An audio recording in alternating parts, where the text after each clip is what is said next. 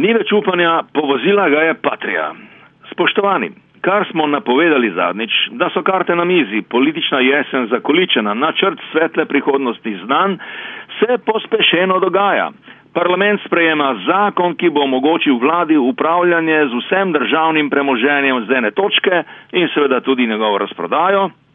Vlada potem, ko je z izpustom poročila Banke Slovenije eh, o grozovitostih slovenskih bank v javnost, le te do konca očrnila, ustanavlja sedaj slabo banko, ki bo predvsem slaba za državo in državljane. Se nas bo njena sanacija zadolžila tako, da bo dokončno konec zadnje iluzije o suverenosti. Potem zares sledi irsko-grški scenarij in kolektivno dolžniško podložništvo Evropi, Nemčiji, komrže. Ideja je tako nevarna in prozorna, da jo kritizira celo neoliberalni Stanislav Kovač v financah te dni.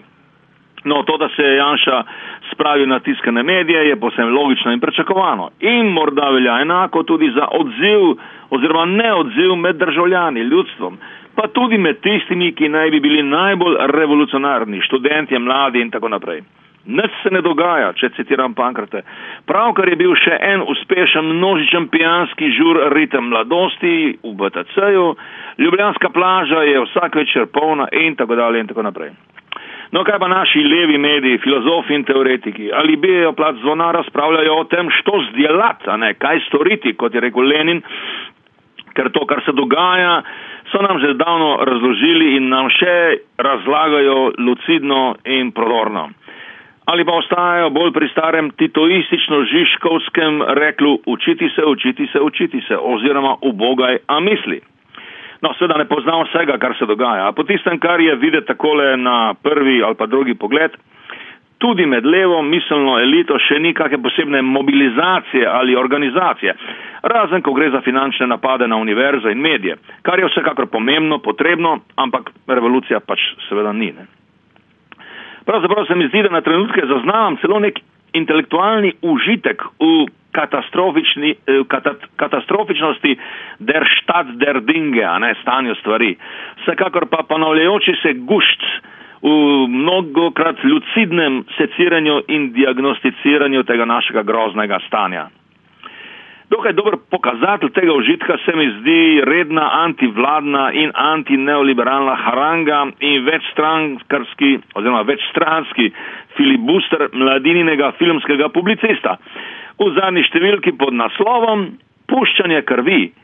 Zakaj se slovenski politiki uklanjajo finančnim trgom, ki so sklenili, da nas pošljajo nazaj v 19. stoletje? Konec naslova.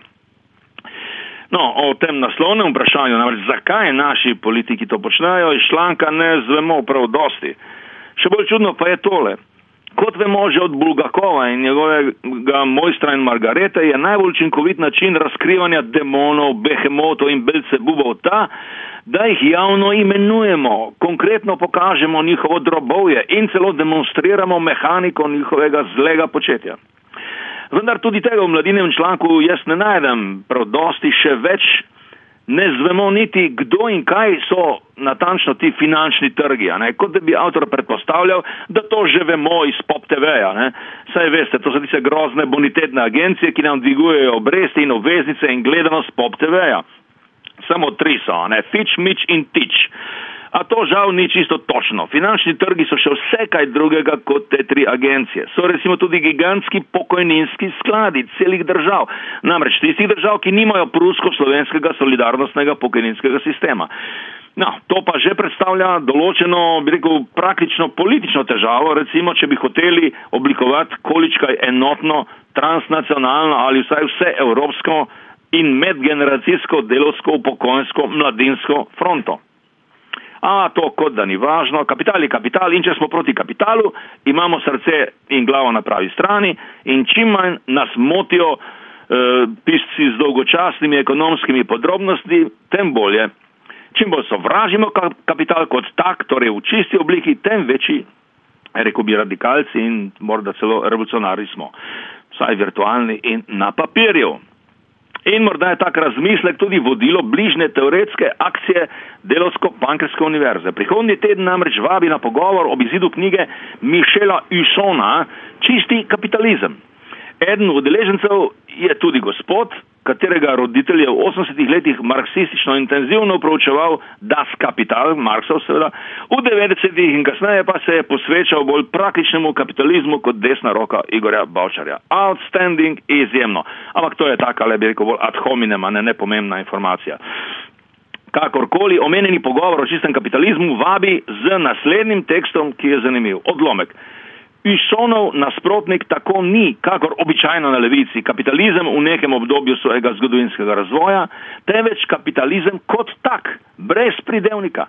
Kapitalizem, o katerem Išon pravi, da vodi zgolj v množično pauperizacijo ter politične in gospodarske krize. Zato njegov odgovor niso poskusi regulacije, discipliniranja ali humanizacije kapitalizma, ki so, kot pravi, samo obsojeni na neuspeh, ampak čisti protikapitalizem. Konec citata. Aha, ja, torej, najbrž torej, čisti komunizem e, na drugi strani, ne, kot alternativa, no o tem bomo najbrž zdeli na tej okrogli mizi pogovoru. Sliši se krasno. Ha, ampak kaj pa, če čistega kapitalizma ni, ga nikoli ni bilo in ga tudi nikoli ne bo. Potem takem je, oziroma bi bil čista intelektualna abstrakcija. No, in v tem primeru je isto tudi čisti protikapitalizem.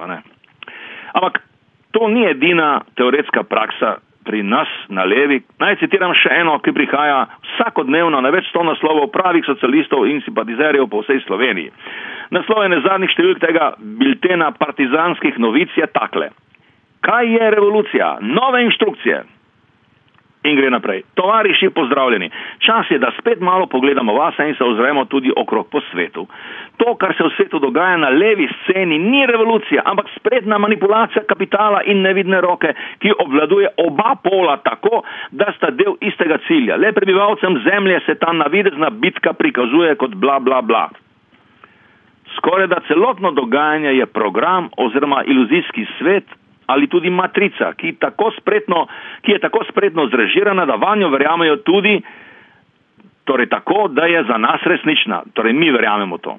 A če tudi v to svetovno matrico ne verjamemo, smo primorani tako bivati v dobršni meri, ker je celoten sistem tako naravnan. Od vzgoje do izobraževanja, do zakonodaje, do posedovanja moči, lastnine in tako dalje. Revolucija pa je sprememba lastništva in s tem sesutje matrice in vsega. Če bodo ljudstva sveta vzela svojo ukradeno lasnino tajnim združbam, bo revolucija izvedena. In naprej, SFRJ ali Titova Jugoslavija je ena od redkih skupnosti, ki je bila izven kontrole tajne združbe. Model oziroma vsebina samoupravnega socializma je eden najboljših modelov in uh, izhaja iz praskupnosti. Torej je bil ta sistem pravi vibracija in nam je to v genih. In zato ne rabimo Vatikana in marksizma. Konec citata. Ok, sliši se malce lunatično, ne? vendar se zdi tudi, vsaj meni, to vse tako čist proti kapitalizem, kot je morda oni učonov. Kaj pa, če se je za resnično pravo teorijo in razlago stvari treba le vrniti 35 let nazaj in citirati naslednje. Ni več upanja, ni več ljudi, ni več poguma, smo sami. Lahko noč in srečno.